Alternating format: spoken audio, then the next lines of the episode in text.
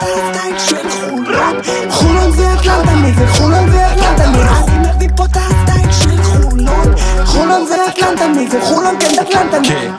יום שני, 12 באוקטובר 2020, פרק 8 של פודקאסט הכל סגול, פרק במתכונת סגר. איתנו נמצא היום אורח מיוחד, איש משכמו ומעלה, שאנחנו מאוד שמחים לארח אותו, תכף נציג אותו בצורה מסודרת. אבל כמו תמיד, לפני שני החברים הקבועים, היפים והמאוד מוכשרים, יא- אה, סתיו טבוך, מה שלומך? בסדר, מה נשמע? איפה היינו שבוע שעבר, תגיד? שבוע שעבר אני הייתי ספציפית בחוף בתאילנד, אה, עושה חיים. לקחתי, כן, לקחתי הפסקה. מאיר עובדיה היקר, איך אתה מרגיש? בוקר טוב, צהריים טובים, יש תרצה, אני בסדר, אפשר להתחיל. אז uh, בהמשך למה שסתיו אמר, שבוע שעבר הקלטנו פרק מרתק עם השחקן הראשון, uh, ו... טוב, זה היה לפני שבועיים. לפני שבועיים כבר, אז אוקיי, אז, ה- אז הלו"ז שלי קצת מבולגן בגלל הסגר, אז זה היה כבר כמעט שבועיים. הקלטנו פרק עם השחקן הראשון, ונקווה שהממש לא האחרון שמגיע להתארח אצלנו בפוד. זה היה כמובן אוריאל טרוצקי היקר.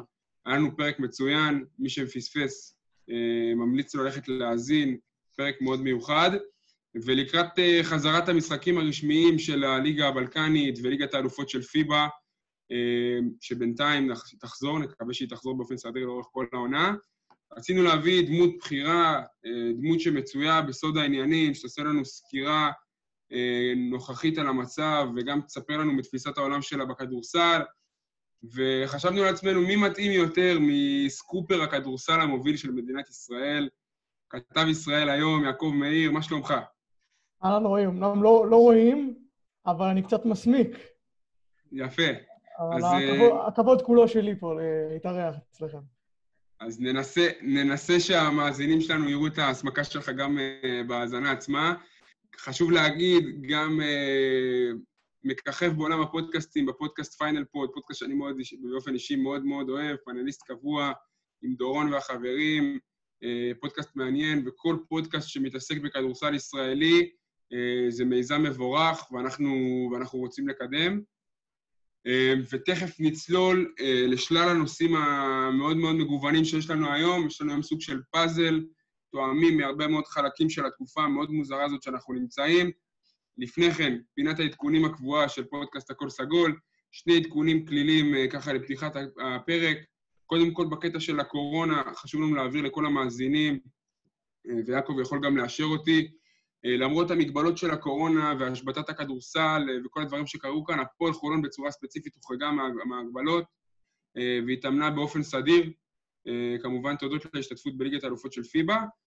אה, עכשיו כמובן מגיעים המשחקים. אה, לא מן הנמנע יהיה להעריך אה, שיתבצעו להם כמה משחקי אימון ככה נסתרים מן העין בשבועות האחרונים.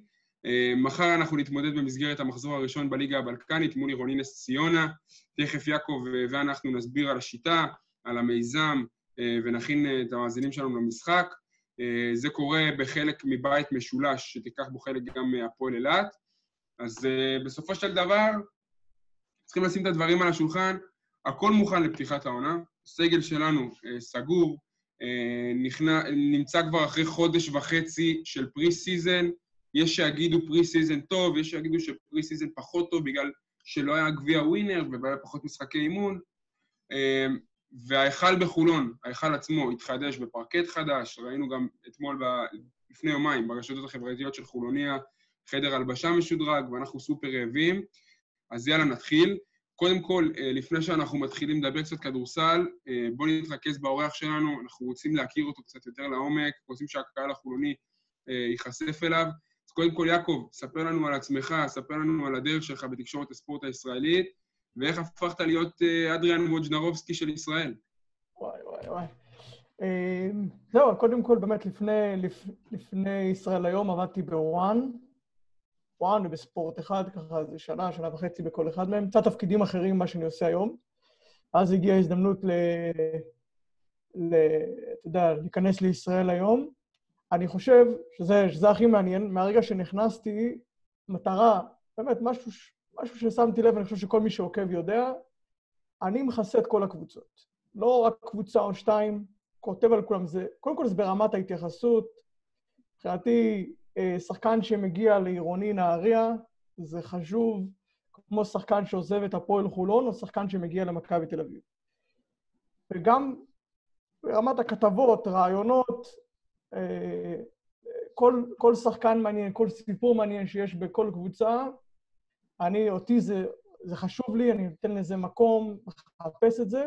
אני חושב שהיום אנשים רואים את זה. אנשים רואים שתוכן כדורסל טוב, מגוון, מקבלים אצלנו ב, בישראל היום. אה, אם אין עוד שאלות, אז נראה לי שדיברנו מספיק עליי, והכי חשוב, יותר חשוב זה לדבר על הפועל חולון ועל כדורסל.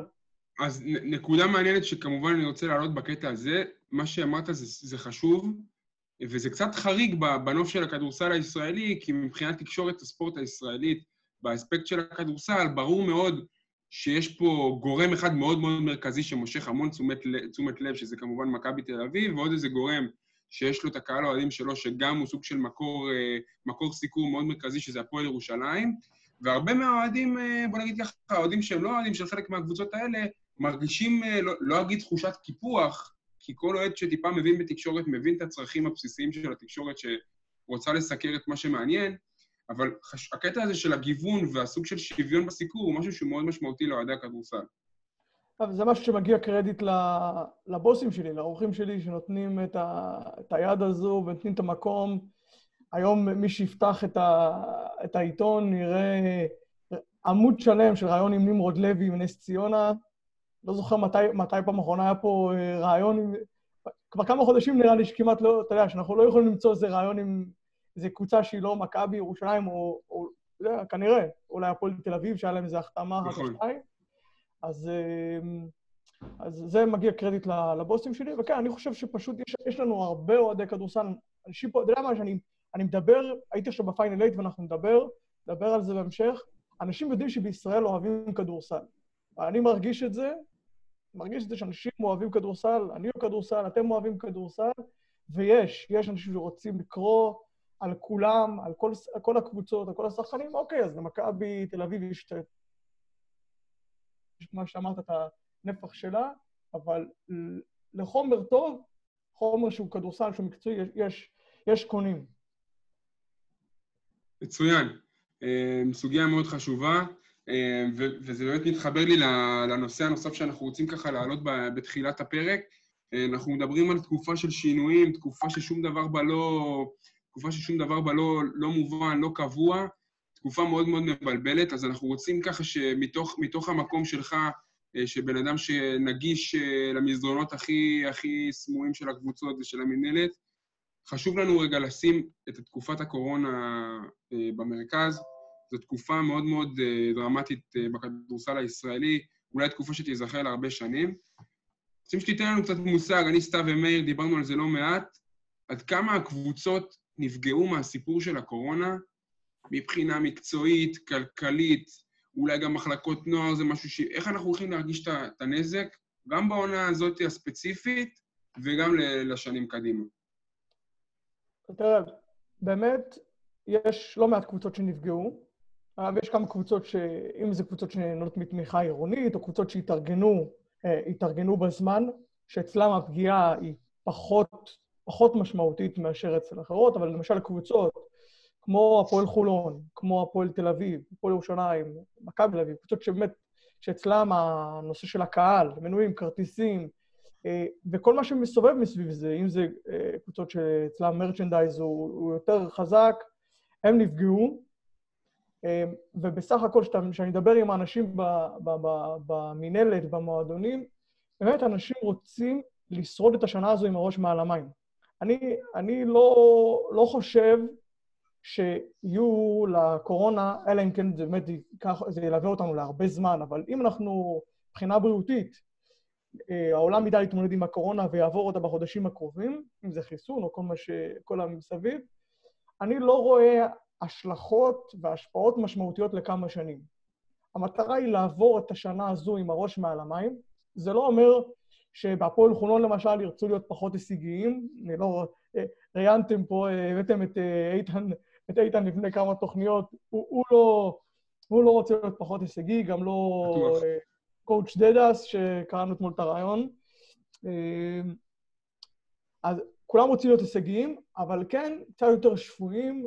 המטרה של כולם היא לעבור את העונה הזו אה, בצורה טובה, בלי להיכנס להרפתקאות מיותרות. עכשיו, דיברנו על זה אתמול בפודקאסט, שאני חושב שהשנה גם יהיו יותר סבלניים עם שחקנים, עם מאמנים, כי אין לאנשים את הכסף, וגם אנשים קצת קיבלו פרופורציות. אתה לא מחליף כזה מהר, זה לא הדבר הכי חשוב, לא על כל שלושה, הפסד, לא כל שלושה הפסדים זה משבר. זה, זה בעיקרון ה, ה, הסיטואציה עכשיו. האיגוד למשל, איגוד הכדורסל עוזר, אולי, אולי אפשר לעזור עוד, אבל אפשר להוריד חלק מהאגרות רישום, אגרות שיפוט, הורידו את זה קצת. המינהלת, אני מא- מא- מא- מאמין שתהיה עם היד על הדופק ותעזור לקבוצות, אם זה עם מקדמות או מה שאפשר, לקבוצות שיקלעו קצת לבעיות. ואולי חוץ מהנושא של המענקים, שאנחנו רואים שיש עכשיו אה, קצת מאבקים במינהלת, שיש קבוצות שרוצות יותר וקבוצות שרוצות אה, לשנות קצת את המתווה שנקבע בהתחלה, אני גם מעריך שאנחנו נראה קצת פחות מלחמות. אנשים ישלבו, אתה יודע, ישלבו כוחות, ישלבו ידיים כדי לעבור את התקופה הזו. אז דיבר, דיברנו עד עכשיו, וזה באמת מעניין, עם כל הנושא הזה של, ה, של, ה, של, ה, של הקורונה, איך אפשר להתעלם מזה. דיברנו גם על איתן, אנחנו רואים אותו פעם אחר פעם מתבטא בחריפות נגד uh, כל מיני מוסדות, uh, מדבר על, ה, על זה שלא מספיק uh, מדברים על הנושא, לא מספיק, אתם יודעים, מעצימים את הדבר הזה שנקרא משבר הקורונה ואיך זה משפיע על הכדורסל. ואני אני ככה רוצה להעלות לדיון באמת שאלה שיושבת לי ככה, יושבת לי חזק. כדורסל בצל הקורונה, האם זה משהו שזה, שבעצם יכול להחזיק? כאילו, דוגמת היורוליג, שאנחנו רואים עכשיו אין ספור הדבקות, ראינו רק, רק אתמול את אה, זנית סן פטרסבורג. האם פורמט טבועה זה כאילו הפתרון היחיד והכי מתאים לכדורסל הישראלי, או שבאמת אפשר, אפשר לשרוד גם בלי זה? יש פה מה? יש פה... אה, אה, אתה רוצה שאני אענה קודם? כן, אז אני אסביר לך- בדיוק על מה חשבנו. כן. אה, ברמת העיקרון, היורוליג מנסה לעשות איזה משהו, משהו שהוא שגרתי. ואין מה לעשות, מי שינסה לבוא נגד הקורונה בתקופה הזאת, במוח של אני אלחם בשיניים כדי שתהיה אווירה של שגרה ויהיו משחקים רגילים, להיות צמוד ללוז, דווקני, זה, רואים שזה לא עובד. הפתרון במדינת ישראל אמור להיות, לדעתי הצנועה, הוא פורמט בועה, אבל מכורח הנסיבות זה פורמט, ש... פורמט שייכשל כאילו מראש. כי מה לעשות הקבוצות ש... כמו מכבי תל אביב, חולון וירושלים שצריכות לצאת. אז הדין של הליגות המק... המקומיות כנראה בעונה הזאת נחרץ. הליגות המקומיות השנה, דווקא לא כנראה- מסכים. אני אגיד אה, שלפי דעתי פשוט צריך לעשות מרווחים יותר גדולים בין משחקים. נניח במקום שלושה סיבובים לעשות שני סיבובים, וככה במקרה של הדבקה, קבוצה, יכול, קבוצה יכולה להיכנס לשבועיים בידוד, ולצאת, ויהיה זמן להשלים את המשחקים. לפי דעתי זה הפתרון הכי טוב. איזה מפעל מה עשה את זה באירופה? באירופה, כמו שעשו בליגת אלופות, ביורוליג גם, לפי דעתי, היו צריכים uh, לחשוב על זה כבר מלפני ולקצר את העונה, אם זה אומר uh, לעשות סיבוב אחד אפילו. Uh, לפי דעתי לא הייתה ברירה, והם לא, לא פעלו נכון. Uh, השאלה מה... ממש- מה, דעתך, יעקב? מה אתה חושב שצריך לעשות בליגה הישראלית ומה ביורוליג? אני ממש מסכים עם סתיו. ממש מסכים עם סתיו, על ה- הדין של ליגות המקומיות לא נחרץ. אין, אי אפשר להגיד שה... שה... זהו, מסיימים, לא יהיה כדורסל בליגות המקומיות השנה, זה, זה לא שייך. זה... אחר כך יהיו ליגות שלא לא יהיה בהן כדורסל גם בשנים שאחרי זה. אני מסכים, אני מאוד אוהב את הפורמט שעשו ב- בליגת אלופות. עשו את זה בתים, עשו רווח, כמו שסתיו אמר, בין המשחקים. צריך לזכור גם שלפי ההנחיות, גם אם יש, בסדר, ב- ב- בישראל, גם אם יש אה, נדבק בקבוצה, הקבוצה לא נכנסת לבידוד של שבועיים. עושים בדיקות, יוצאים אחרי כמה ימים. אלא אם כן, השחקנים, רק השחקנים שחלילה נמצאים מאומתים גם. אז אה, אני מסכים שצריך להוריד את, את אה, כמות המשחקים. ראינו שבסך הכל הליגת קורונה שהייתה פה ב- ב- ב- ביוני-יולי עבדה טוב. אני מעריך שהצ'מפיונס ליג השנה יעבוד כמו שצריך, זאת אומרת, יהיו תקלות, יהיו בעיות, אבל יש זמן לתקן. גם אם יש משחק שהוא מתבטל, יש זמן, בגלל שבין משחק למשחק כל קבוצה, אלא בין שבועיים לשלושה אפילו, אה, אז יהיה זמן לקבוע מועדים חדשים למשחקים, וגם אם, למשל, לקבוצה יש שלושה-ארבעה נדבקים, יש לה את השבועיים, שלושה האלה, שלפחות חלק מהם יכולים, יכולים להחלים, יכולים לצאת מזה. ואז גם אם יש נדבק אחד או שניים בקבוצה, לא דוחים משחק. אפילו אם זה שחקן שכאילו חשוב, זה לא מעניין אותנו, אותנו מעניין. אני ברעיון שעשיתי עם, אה, עם אה, המנכ"ל של הצ'מפיונס ליג, פטריק אומנינוס, שאלתי אותו, למה שינית את הפורמט? למה דחית, הם דחו בשבוע את הפתיחה? הוא אמר, אותי עניין שאנחנו נסיים את העונה בזמן. וזה זה, זה, זה, זה מה שצריך להנחות גם את הליגות המקומיות וגם את המפעלים, אה, את המפעלים, אתה יודע, את הטורנירים האירופאים, אם זה יורו ליג, אם זה יורו קאפ, לעשות, למשל בליגה שלנו, כנראה שאולי צריך להוריד את הסיבוב השלישי, כמו שאתה אמר, להוריד את הסיבוב השלישי. זה לדעתי גם מה שיהיה. זה יהיה, אתה צריך לזכור שיש לזה השלכות כלכליות מאוד כבדות. אם אתה מוריד כמות משחקים כזו גדולה, זה, יש לזה השלכות לזכויות שידור ולכספים מהטוטו ווינר. וגם ככה חלק גדול מהקבוצות, כמו שאמרנו, נמצאות בבעיות, אז אם הכספ... ו... ובונים על הכספים שמגיעים מהמינהלת ומה... ומכל הגופים האלה, אז צריך לראות, אני מעריך שזה תלוי במתי אנחנו נוכל לחזור. כשאנחנו נגיע לליגה הבלקנית, נראה עד כמה זה, כשנדבר על ליגה הבלקנית יותר, זה נראה כמה קריטי ש... שיש לנו עכשיו את הליגה הבלקנית על המועד שהליגה תוכל לחזור. אבל אם הליגה תחזור, למשל, אמצע נובמבר או סוף נובמבר, לא תהיה ברירה, כמו שאמרת, רועי, ואנחנו נצטרך לבטל את הסיבוב השלישי. אז, אז יעקב, דיברת עכשיו, דיברת עכשיו על הסוגיה של הליגה הבלקנית וזכויות שידור. מה, מה, מה אתה יודע על, ה, על הכספים שמגיעים מהליגה הבלקנית? האם זה... יש, יש בשר בדבר הזה? אה, יש בשר, אבל ממש לא קרוב, לא קרוב ל, לליגה. גם מגיעים כספ, יגיעו כספים מהטוטו ווינר, יגיעו כספים מערוץ הספורט, אבל זה לא... אני לא יודע את הסכומים, אבל בדקתי, ו... זה לא סכומים שמתקרבים למה שהקבוצות היו אמורות לקבל, או אמורות לקבל מהליגה, על המשחקים של הליגה, אבל זה כן משהו שיעזור, והמינהלת תעביר... מלא כלום. נכון, והמינהלת לא, אבל זה, זה, לא רק שזה עדיף מלא כלום, אבל אם הליגה תצטרף באיזשהו שלב, אה, והיא תצטרף ככל הנראה, אז תהיה, תהיה פה איזושהי הכפלה, כאילו, של סכומים, זה, יכול, זה משהו שכן יכול לעזור.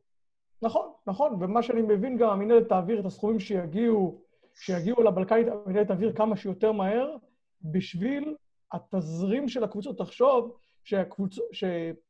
אס... אוקיי, לא מגיע כסף מהגוף המשדר, לא מגיע כסף מהטוטו ווינר, הכספים של התמיכה ממשרד האוצר עדיין לא הגיעו, אבל הקבוצות ממשיכות.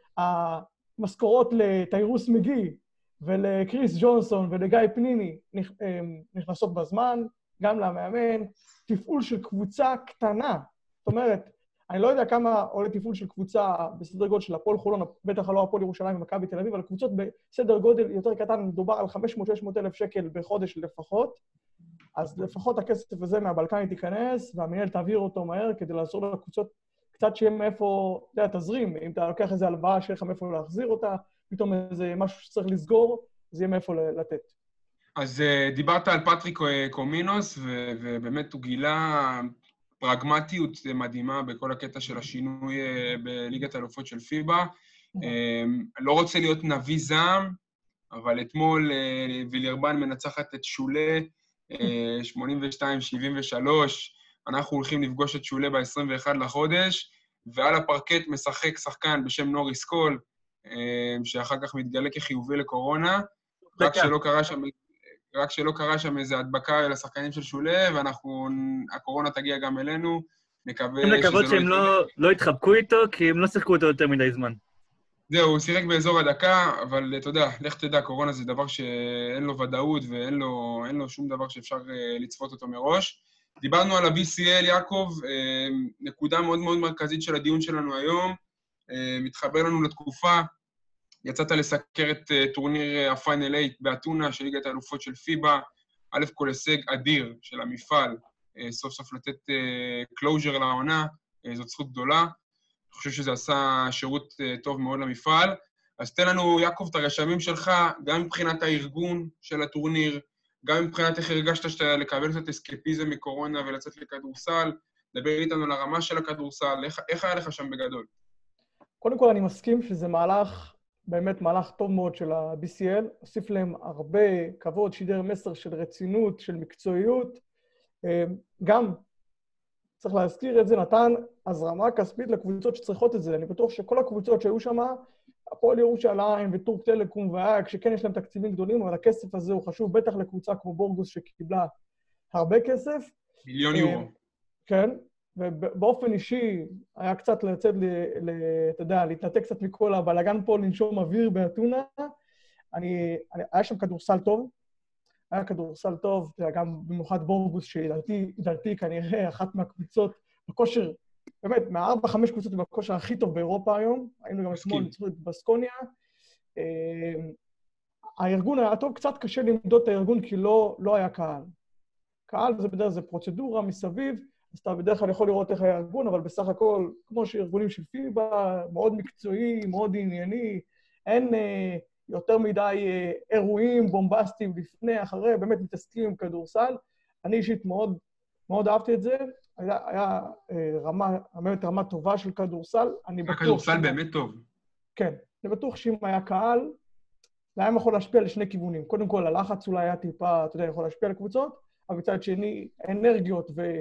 והקהל של האייק בטח היה מגיע לשם והיה מוסיף הרבה, אבל בסך הכל באמת אירוע טוב, והם התעקשו, הם התעקשו לעשות את זה, והיו הרבה קשיים בדרך, הם התעקשו לעשות את זה, ולדעתי הרוויחו בגדול.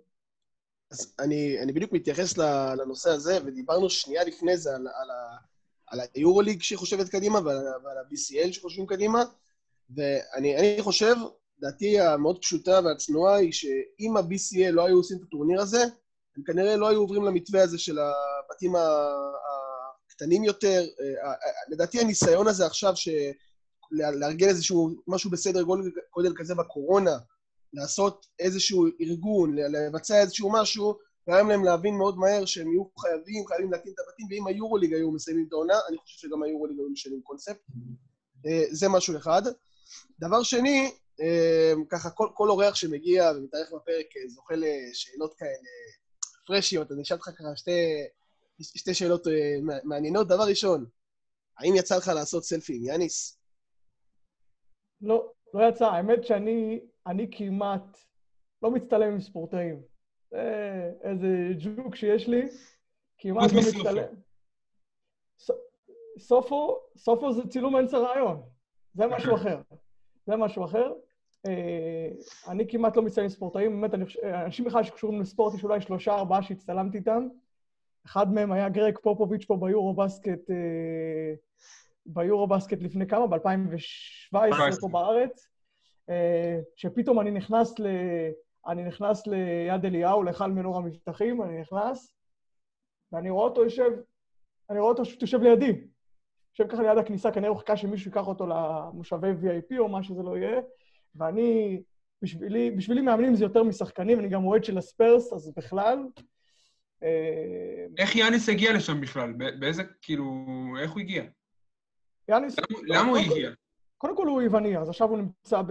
הם סיימו מוקדם את, ה... את החלק שלהם בבועה באורלנדו, אז הוא כן. הגיע, יש לו כמה חברים טובים באייק, אני חושב שהוא הגיע לגיקאס וזה, הגיע לעודד אותם שמה, האמת שהיה קשה מאוד להתקרב אליו, רק ממה שהיה ממש ממש על הפרקט, אה, יכל להתקרב, אבל האמת זה דברים שהם פחות ככה מושכים אותי.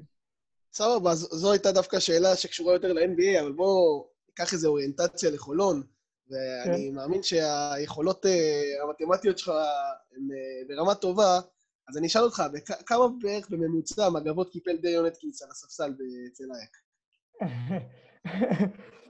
האמת שהוא בא, אני חושב שכתבתי על זה עם רועי, כן. הוא בא לשם כדי, הוא, הוא בא לשם כדי לקפל מגבות.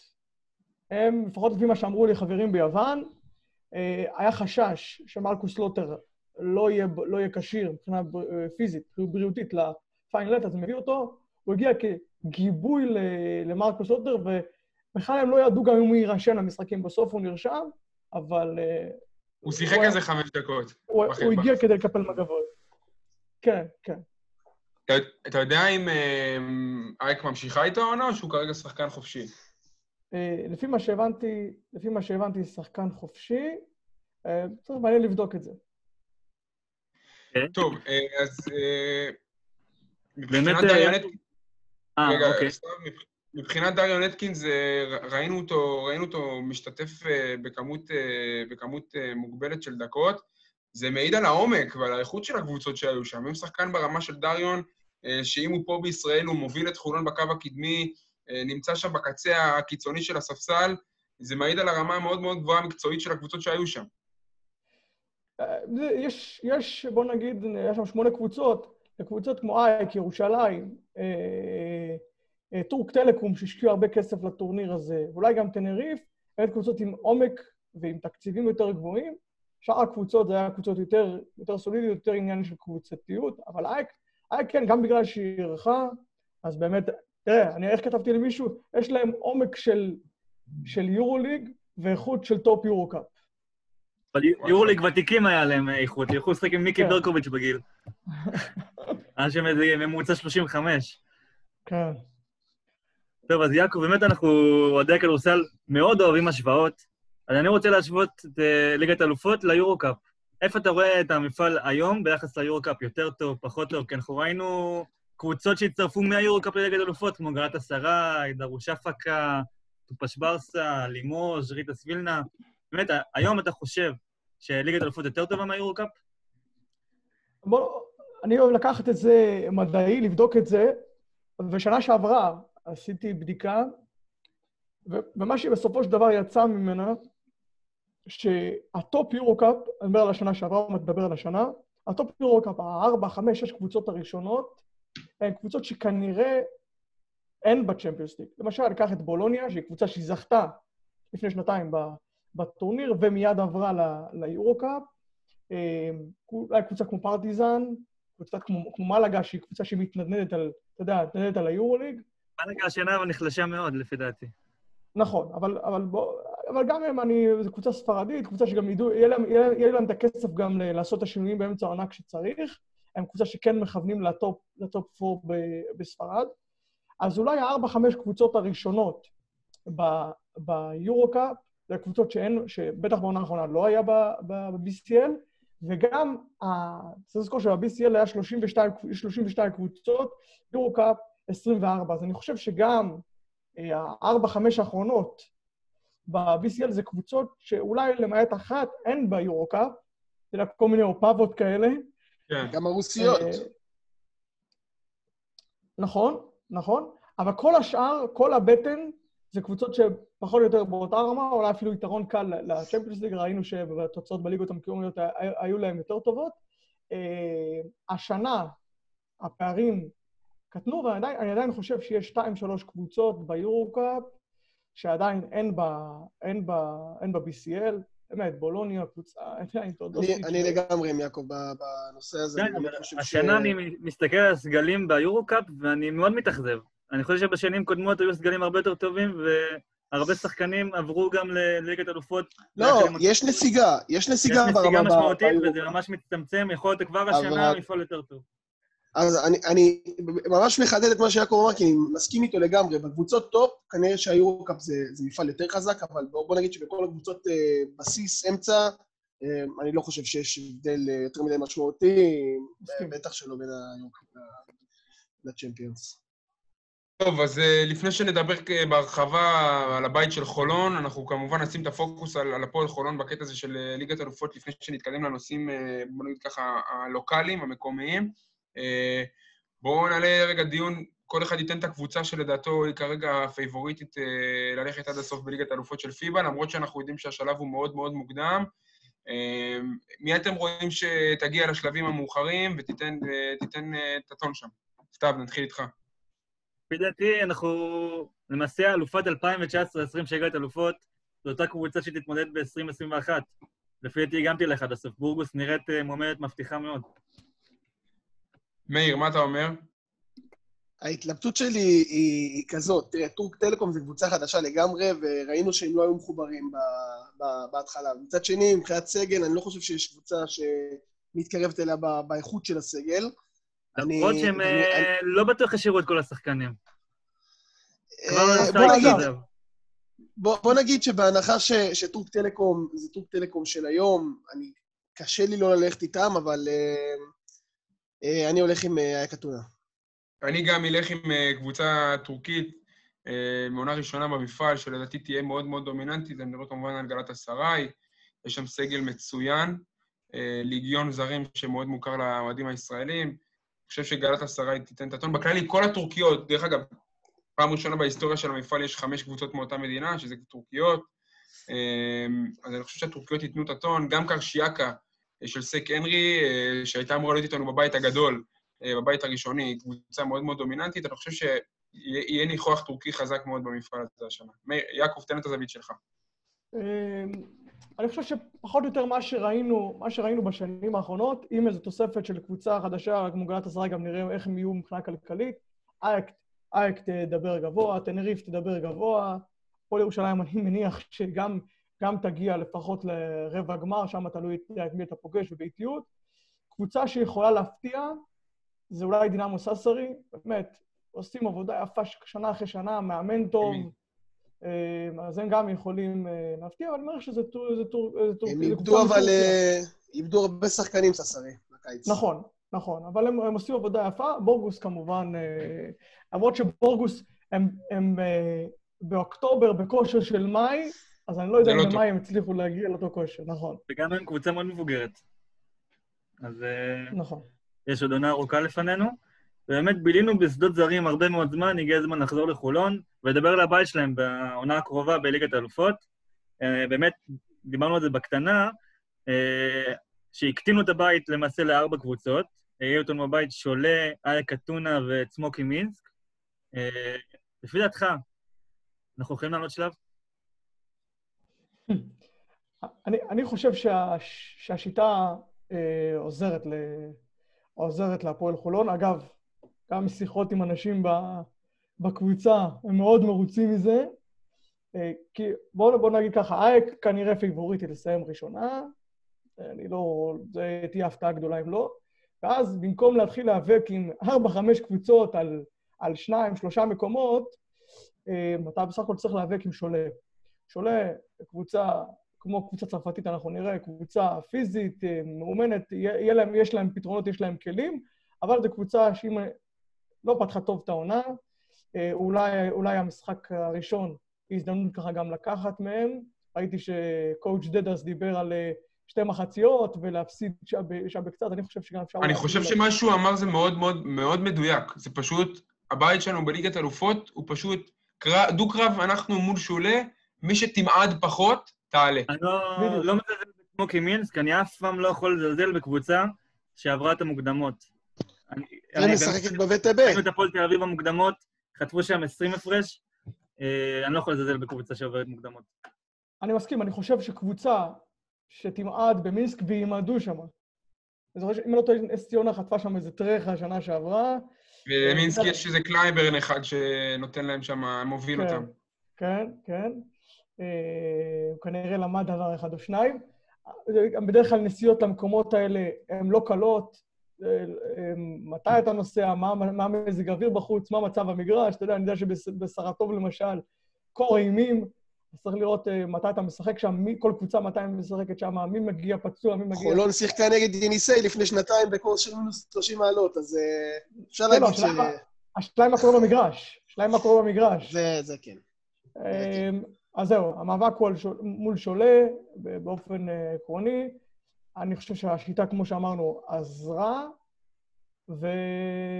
ואתה יודע מה, ובשונה מ... אנחנו נדבר, אני זוכר ש... כאילו, אני מעריך שאנחנו נדבר גם למה עד עכשיו הפועל חולון לא הצליחה לעלות. זו, זו בדיוק השאלה הבאה. זו בדיוק השאלה הבאה, אבל אני גם אשאל אותך את זה ככה, ב, ב, ככה ב, באותה גברת בשינוי אדרת. למה, למה לדעתך לא, לא עלינו עד עכשיו? ואחרי אוקיי. שראית את הקטונה כבר, היית בטופ 8, אנחנו מקנאים בך, אתה רואה את זה על העיניים שלי, אבל אחרי שראית את הקבוצות, ואפשר להגיד גם ש- שראינו איכשהו גם את מינסק, מה, מה באמת אתה חושב השנה יהיה שונה? אז זהו. אני חושב שהסיבה, ואני רוצה לקשר את זה לשולה, הסיבה שלדעתי עד עכשיו הפועל חולון לא, לא העפילה, זה היה לפעמים גם קצת מזל, היה כמה בתים קשים, וגם עניין של ניסיון. אם נלך אחורה, רוב הקבוצות שהפועל חולון נאבקה איתן על העלייה, אתה יודע, על מקום ארבע, על מקום שלוש, היו קבוצות עם יותר ניסיון במפעלים אירופיים. אתה צריך לדעת איך לשמור על הבית, לדעת לנצח את המשחק חוץ זה חשוב, לא לנצח את המשחק חוץ זה לא חשוב. לפעמים לנצח איזה, את הקבוצות האלה שגם ככה לא בתמונה, כמובן שכל ניצחון הוא חשוב, אבל לפעמים ניצחון בשובר שוויון מול קבוצה שנאבקת איתך על, על העלייה הוא קריטי. אז ברוב המקרים הקבוצות שנאבקו עם הפועל חולון על העלייה, היה להם יותר ניסיון, אם זה כמערכת, אם זה, אם זה שחקנים שיש להם יותר ניסיון במפעלים אירופיים. אנחנו יודעים על הרבה שחקנים בהפועל חולון ש... שבשנים האחרונות, ופחות היה להם את הניסיון הזה, לעומת זאת ביריבות זה היה הרבה פעמים שונה, והפעם בשונה זו קבוצה שהייתה אה, כמה פעמים באירופה בשנים האחרונות, אבל זה לא שהיא הכי מנוסה בעולם. וזה יכול להיות אולי פה עכשיו איזה משהו שונה קצת. אייק, אה, אייק תסיים ראשונה, צריך להיות שם משהו, גם, אגב, יש להם מאמן מעולה, גם אם לא טועה נכון, הוא שיחק פה, אם הוא הגיע לפה עם פאוק, אם אני זוכר נכון. כן, הוא היה מאמן שלו נגד איליאס פאפה תיאודורו, כן, הוא מאמן מאוד, הוא כוכב עולה שם, הוא עדיין שמיר שלו. בדיוק, מאמן מצוין.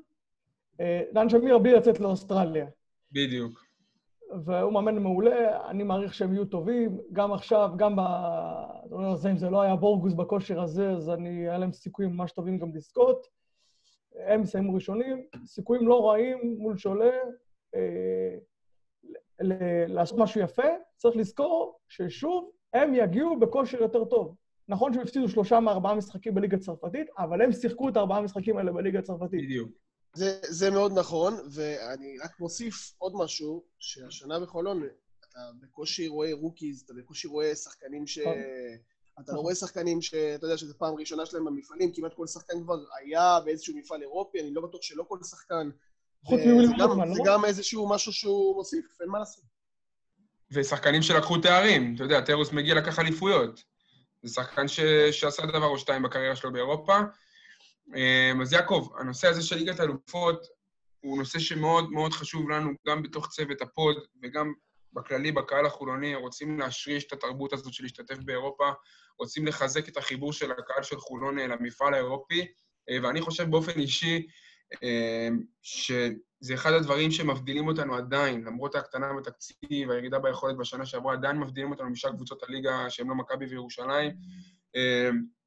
ההשתתפות באירופה היא נותנת לנו איזושהי יציבות, אה, וחשוב מאוד שביחד עם היציבות המקצועית הזאת, תהיה לנו גם יציבות כלכלית, וזה הנושא הבא שאנחנו רוצים לדבר עליו באספקט של חולון.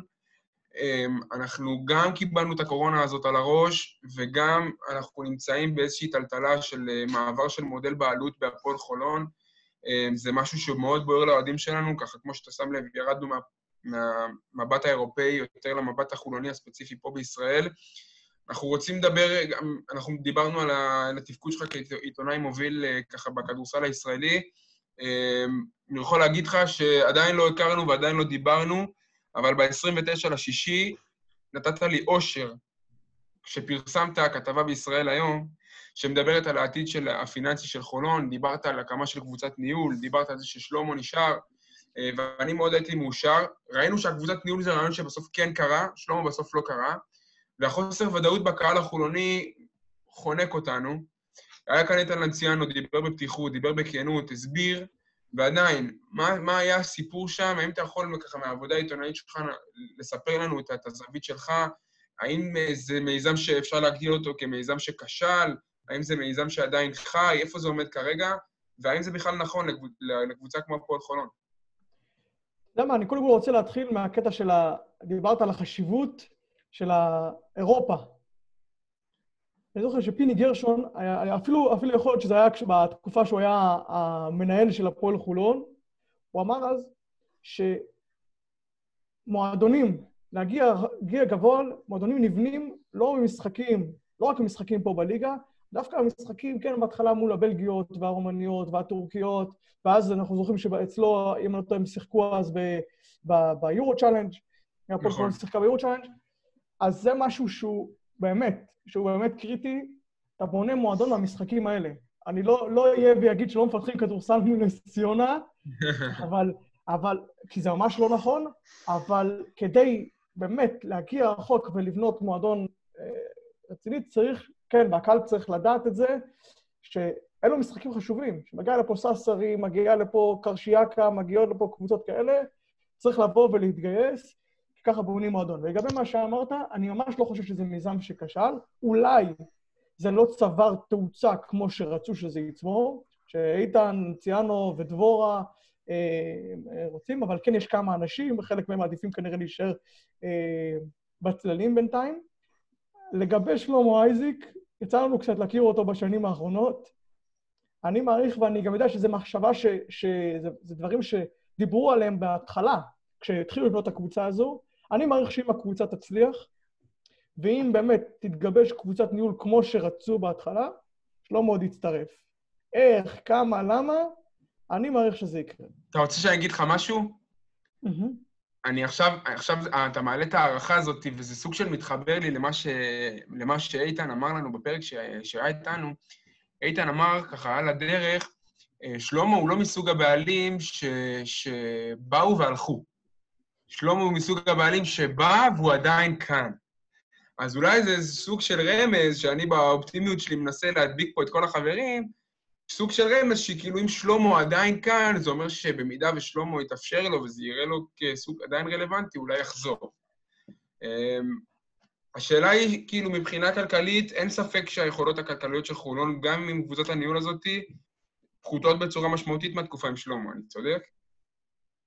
נכון, קודם, קודם כל, גם, גם בגלל העזיבה של שלמה, וכי לדעתי לא, לא הגיעו מספיק אנשים עדיין כמו שרצו, וגם כמו שדיברנו בהתחלה, קבוצה כמו הפועל חולון, הקורונה פגעה הרבה יותר מאשר קבוצות אחרות. אלפיים, על כמה, כמה מנויים היה בעונה האחרונה? אלפיים, אלפיים חמש מאות? אלפיים חמש מאות פלוס. אלפיים חמש מאות פלוס, והכרטיסים שמגיעים, וכל הדברים מסביב, אה, זה, זה, זה לא פשוט ל, להתמודד עם זה, אז זה גם, אני חושב שחלק מהנסיגה, הירידה בתקציב והבעיות שאיתן מתמודדים, היא, חלק גדול זה בגלל הקורונה, ובזה שאין קהל. גם העזיבה של שלמה כמובן, אבל לא, לא יודע אם לא פחות, אבל חלק, חלק משמעותי מהפגיעה זה בגלל הקהל. כמו שלהפועל תל אביב מתמודדים עם בעיות לא פשוטות עכשיו, וגם הפועל ירושלים ומכבי תל אביב, כל אחד בסדר גודל שלה. הקבוצות האלה ש, שהן לא בנויות על תקציבים עירוניים, אלא בנויות על, על אם זה כסף פרטי או כסף שמגיע מאוהדים, אה, יש, והפועל חולון זה, זה התכנס לשני הדברים האלו ביחד באותו קיץ. גם בעלים שעזב וגם כרטיסים. חד משמעית. אז אה, ככה, כמו, כמו שרועי טוב במספרים ובתאריכים, גם אני. אה, ובראשון לתשיעי פרסמת כתבה בישראל היום, שמציגה ככה את הפיירול, את הרשימת אה, שכר של הקבוצות הבכירות בליגה. עכשיו, הירידה הדרמטית מהמספרים של שנה שעברה מורגשת במיוחד בהפועל חולון, גם בירושלים יש לומר, אבל במיוחד בחולון. אמ, עכשיו, האם אתה רואה שהפער המקצועי בין אה, הפועל חולון, שזה שכר השחקנים השלישי בליגה, אה, לבין שני המובילות, שתי המובילות, אה, האם הוא כמו, האם הפער המקצועי כמו הפער הכלכלי? אם אתה מבין למה אני מתכוון. ורק נשים, לפני שאתה, לפני שאתה מתחיל את התשובה, נשים את המספרים על הדברים ש, שמאיר דיבר עליהם. לפי הנתונים שאתה מפרסם, קודם כל נעשה השוואה לעונה, לעונה הקודמת. בעונה הקודמת, אה, שכר השחקנים של הפועל חולון, אחרי כל ההחלפות אה, ואחרי הזרים החדשים שהוחתמו, אם אני מעריך נכון, יעקב, הגיע לאזור מיליון וחצי, מיליון וחצי דולר. בעונה משהו... שעברה, כן, כן. פיירול של מיליון וחצי דולר, והיום אנחנו עומדים על כאילו קצת יותר מחצי מזה, שזה, שזה משמעותי ביותר. אה, שנה, ש... ו... ו... ובהשוואה לגדולות, בוא נגיד ככה שהשחקן שמשתכר הכי הרבה לפי הנתונים שלך בהפועל חולון, אה, שזה ריצ'י ומגי בערך, משתכרים פחות מיובל זוסמן במכבי תל אביב, שהוא השחקן האזור העשירי 12 בשכר. אז כמו שאתה אומר, השאלה שמאיר שאל אותך היא אז, מאוד מאוד רלוונטית. אז, אז מה שאני אומר, ו... ולפני שיעקב יענה, אני אגיד גם את דעתי, אני פשוט חושב שגם לאחר הקיצוץ הזה, אני לא רואה שה, שהפער בין אה, חולון לצורך העניין לירושלים ירד, אני דווקא חושב שהוא הצטמצם. קודם כל, אה, אתה יודע, כל קבוצה צריך לבדוק את זה ביחס לעצמה. זאת אומרת, מכבי תל אביב, איך זה ביחס לעונה שעברה, הפועל ירושלים, איך זה ביחס לעונה שעברה. כסף זה לא, כסף זה לא הכל. אה, זה הרבה. גם, זה הרבה, לא, זה, זה המון, אבל גם השאלה מה אתה עושה איתו. אני, אני גם, זה טיפה לדעתי שלב מוקדם כדי לדעת. נכון שהרוחות שמגיעות מה- מהפועל חולון אחרי ה pre-season הזה, וכמה נצווה, וההפסד אה, הצמוד למכבי תל אביב, והניצ- והניצחונות. אה, הפועל תל אביב, אה, קצת יש איזו רוח אופטימית כזו, אבל לדעתי, רק ממחר, רק מהמשחק עם נס ציונה והלאה, נוכל להתחיל לקבל מושג. גם, אני מעריך שגם בצוות המקצועי עצמו, זאת אומרת, יש, כולם מדברים שיש איזו קבוצה טובה ויש גיבוש, ו, ואני גם במשחק שאני למשל הייתי במשחק מול, אה, מול הפועל תל אביב, ראיתי הרבה דברים טובים, אבל כשנתחיל לשחק וכשיהיה כסף על השולחן, בטח בשבוע הבא עם, אה, עם שולם, נוכל לקבל תמונה י- יותר טובה. יעקב, לצערי אני לא יכול לת- לתת לך להמשיך אה, אה, להשיב, כי אמרת שראית הרבה דברים טובים, ויש פה כמה מאות או אלפי אנשים שמעניין אותם לשמוע מה הדברים הטובים. אוקיי, הדברים הטובים, אה, טוב, דברים טובים אנחנו תמיד שמחים להגיד, בדיוק. אל תתבייש להגיד גם את הרעים. אני אגיד, אנחנו נגיד. גם נדבר על זה כשנגיע לנס ציונה, איפה כן. סימן לשאלה, אבל מה שאני ראיתי, ראיתי קודם כל קבוצה מאוד מגובשת. באמת, אתה רואה, אתה יכול לראות את זה מיד. אתה יודע, שחקן, אפילו בדברים הקטנים ששחקן נופל מיד, כולם רצים להרים אותו וכאלה. קבוצה שבאמת באה לשמור טוב. יבואו, לס... אה, יש, יבואו לשחק הגנה, משחקים אחד בשביל השני, משחקים בקצב גבוה, אינטנסיביות גבוהה, משחקים מהר. אה, הרבה הרבה בזכות קריס ג'ונסון, באמת באמת? הרבה בזכות קריס ג'ונסון. הוא דבק בקבוצה הזו, ואני חושב שכשהוא משחק ומתאמן, ב, ב, וקריס, גם הסיפורים שאני זוכר מהתקופה בירושלים, וגם מה שאומרים עכשיו בחולון, כל הזמן בדופק גבוה. אגב, בגלל זה בירושלים הוא נפצע הרבה. שנה שעברה אנחנו, טפו טפו טפו, שנה שעברה אנחנו יודעים שהוא, אם לא השלים את כל העונה, לא החסיר אפילו כן, משחק או משהו כל- כזה. שיחק את כל המשחקים, כן, את כל יפה. המשחקים. אמ, אז, אז אה, זה הרבה יהיה תלוי בו, אבל באמת, קצב גבוה, הרבה שלשות, משחקים עם... אה, מה זה small ball? דיברו עם, אה, עם קואוצ' דדס על זה. אתה יודע, שאתה משחק עם, עם איזיה מיילס, אתה יודע, אספר לך סיפור. אני ידעתי שמגיע, שהולכים להביא איזה שחקן ששיחק בצרפת. זה היה יום שישי. אה, בסוף, אם לא טועה, ההודעה לאיזיה מיילס פורסמה בשבת, אבל לי ביום שישי נכון, בבוקר... שישי ערב. כן, בשישי בערב זה התפרסם כנראה באחד האתרים, ואז בשבת נראה לי הוציאו את ההודעה. אני שישי בבוקר, שמעתי שמביאים שחקן גבוה מצרפת. אז אתה מתחיל לעשות את הבדיקות, לעשות את הבדיקות, ועם חברים בצרפת וכזה, ואתה עובר ממש, עובר גבוה אחרי גבוה, מי רלוונטי, מי לא, מי יש לו חוזה, מי נשאר. ואז, עכשיו אני שומר שבת, ואני מניח שאם שבת הייתה נכנסת עוד איזה שעתיים, שלוש מאוחר, כנראה שהייתי מגיע לשחקן, כי הרשימה די הצטמצמה, אבל כשיצא שבת אני רואה מי, מי השחקן, אני רואה שזה זה המיילס, ו... ואני כותב כזה לחבר בצרפת, בסוף, תקשיב, זה איקס, זה, מיילס. הוא אומר לי, הוא בקושי ארבע. כי אני אמרתי לו שמדובר על גבוה, על שחקן פנים, כי זה מה שהפועל חולון חיפשה. הוא אומר לי, הוא בקושי ארבע, ככה הוא אומר לי. איך, אנחנו פה היינו אומרים שהוא ארבע על עקבים, אז, אז משהו כזה. אז הוא, הוא, הוא בעונה הקרובה, הוא בעונה הקרובה הולך לשחק חמש בחלק גדול מהזמן. כי אנחנו מכירים את נכון. ריצ'י, והוא יום כן, יום לא, יום למה לא. ולמרות שכל הסיפורים שהוא הגיע מאוד טוב עכשיו, וכושר וזה, אבל אנחנו מכירים אותו, וזה מה שאני לשחק שנה הרבה חמש, ואני ראיתי את זה במשחק מול הפועל תל אביב, שכשהוא על המגרש, תחשוב שיש לך ארבעה, חמישה שחקנים שיכולים לקלוע, הירידה להגנה של הקבוצות היריבות הופכת למשימה כמעט בלתי אפשרית. באמת, כולם מתפרסים, זה, זה די הזכיר כזה, אנחנו נתעלה באילנות גבוהים, אבל די הזכיר כזה את גולדן סטייט בימים היפים, חמישה שחקנים שכולם משחקים מחוץ לקשת. אלו הדברים הטובים שאני בעיקר ראיתי, אבל מצד שני, כשזה לא יעבוד, כשהכדורים לא ייכנסו זה יהיה מבחוץ, קטסטרופה. וכשקבוצות ידעו לנצל את החיסרון הזה בפנים, או יכניסו את הכדור פנימה, ישחקו על ה... אה, אתה יודע, ישחקו את החצי מגרש הזה, את המשחק העומד, מהר לראות מה הפתרונות ש, שמוצאים לזה. אני חושב שגם אם ימצאו פתרונות, יש גבול כמה, כמה אתה יכול, יודע, מכניס לך, אתה יודע, סתם אני אומר, ראינו גם אפילו במשחק, משחק אימון, אני לא יודע, המשחק, השחקן המצטיין של, של מכבי היה ז'יז'יץ', שהגיע כמה ימים לפני זה, הגיע לארץ וכבר עשה שם 20, אם אני זוכר. אה, כי, כי אין לך, אין לך פשוט, נכון שאין הרבה, אין, אין הרבה ז'יז'יץ' פה בליגה שלנו, אבל אבל בכל זאת, כש, כשקבוצות ידעו לנצל את החסכונות הזה מתחת לסלים, צריך לראות מה יהיה. כן, אבל, אבל כללי- יעקב, סליחה שאני קוטע אותך. דיברנו על כן. זה ב- באחד הפרקים כסוג של מדיניות, ש, שזה סבבה שהפועל חולון לוקחת אותה, ב, ב, ב, בסוג של אה, קו מחשבה של לבוא ולהגיד לקבוצות יריבות, בואו, תחגגו בצבע, תטחנו פנימה, ואנחנו ננצח אתכם מבחוץ. עובדה ש, שהדומיננטיות של מכבי תל אביב באותו משחק אימון בצבע הייתה דומיננטיות באמת אבסולוטית לגמרי, ועניין של סליץ, שאם השלושה בסוף של המשחק, או דורסי שמחטיא את הלאפ ההוא, אם זה היה נכנס, אז היינו מנצחים. אז, אז גם נגד גלבוע גליל הי- הי- הייתה דומיננטיות מאוד גדולה של גלבוע במשחק האימון, וניצחת. אז אם זאת מדיניות של הפועל חולון שאומרת מראש, אני, רוצ, אני רוצה שהשחקן המצטיין של הקבוצה היריבה יהיה החמש. אם הוא השחקן המצטיין, זה סימן טוב בשבילנו. אני, אני בעיקרון מסכים איתך, של, כי באמת רוב, רוב הקבוצות פה יהיה אפשר להסתדר. זה לא שלקבוצות פה יש באיזה ביגמנים, אה, אתה אומר, רוב, רוב הקבוצות אין פה ביגמנים. אה, השאלה היא גם לאירופה. אני הייתי בטוח, ואני יודע שזה גם מחשבות שעברו, ואולי עדיין עוברות. צריך לבדוק את זה, זה החמישי?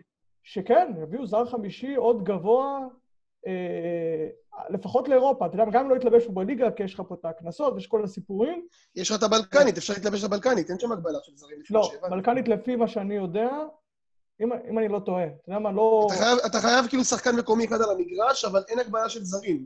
גם לפי קראתי מה שאין הגבלה של ששטריקס זרים. אמר. אתה- זה? אני, אני לא בטוח לגבי זה, אבל אתה יודע מה, אה, צריך לבדוק את זה. אתה יודע מה, אה, התקלת אותי פה, אבל אה, לא, הישראל- הישראלי אחד על המגרש בטוח, לגבי הזרים זה מעניין, אבל בכל מקרה, מה שחשוב פה זה אירופה, מבחינה מקצועית, כי באירופה זה בטח לא יעבוד. באירופה לכל קבוצה שאתה פוגש, אתה יודע מה, לא צריך להסתכל על הסגלים, אבל אני מניח שלכל הקבוצות יש שם את הגבוהים שלהם. יש איזה דיאן קרביץ אחד שיבוא ויטחן אותך פנימה. איזה כן. פלניניץ' אחד. כן, כן, בדיוק, בדיוק. נו, אז למה לא, למה לא, למה לא ביקשת מפרנק קאסל לבוא ולחתום בחולון? הנה, דיווחת עליו אליצור יבנה, היה בא עלינו. כן, אתה יודע מה זה, זה, אני לא יודע מה קרה לו בקיץ, האם יש איזושהי פציעה או משהו, אבל זה הפתעה, כי הוא באמת, הוא היה טוב בעונות האחרונות ב- בצרפת, גם בעונה האחרונה עשה איזה שמונה ושמונה או משהו כזה, אבנר אז הרוויחו. היה, אז היה. כן. אז היה לגמרי. אז- כן. אז אז וגם הוא דיברנו הגיע קצת... בתקופה שמי רוצה להגיע עכשיו לליגה הלאומית? אין אימונים, אין כלום, זה מוזר, מוזר מאוד. וואי, זה לגמרי, זה משהו הזוי לחלוטין. ו- מה מכרו לו שם אם, אם אנחנו מדברים עכשיו על, ה, על הקבוצה שנבנתה, דיברנו עוד קצת יחסית על הקבוצה שנבנתה, אבל אה, יעקב, אני, אני שואל אותך, אני גם רוצה לשמוע אחרי זה גם את אה, רועי ואת סתיו, מה דעתכם אם, אם אני עושה איזושהי השוואה על הנייר, כמובן, כי לא ראינו את הקבוצה של הקבוצה הזאת לעומת הקבוצה של העונה שעברה. מי יותר טובה? בוא נגיד רגע, נשים את הנקודה, כי היו איזה 70 קבוצות שנה שעברה. כן, הקבוצה, נדבר. ה- הקבוצה הסופית שסיימה לא קורונה? הקבוצה שסיימה מקום, מקום רביעי, עם עם מניירי. פוסטר ומני אריס. עם פוסטר ומני אריס. וואו, שאלה טובה. אה, כמו שאמרתי, עוד לא ראינו, עוד לא ראינו את לא, אבל על הנייר, בגלל זה אמרתי, על הנייר. על הנייר, כשיש לך שחקנים כמו פוסטר ואריס, שזה באמת, אנחנו רואים שפוסטר הוא שחקן יורו-ליג, ומני אריס יכולות, יכולות של יורו-ליג, גם אם בראש זה עדיין לא שם, אבל ביכולות של יורו-ליג, זה, זה קצת... אה, אז אולי יש יתרון לקבוצה שנה שעברה, אבל אני כן חושב שהקבוצה של השנה טיפה יותר מאוזנת. יש יותר אפשרויות, מה, מהקבוצה שסיימה. כן. יש יותר אפשרויות, שחררו שחקנים עם שלושה זרים, יש טיפה יותר אפשרויות, טיפה יותר... אה, יש גם, כי הקבוצה, דדס בנה אותה, הוא בנה אותה.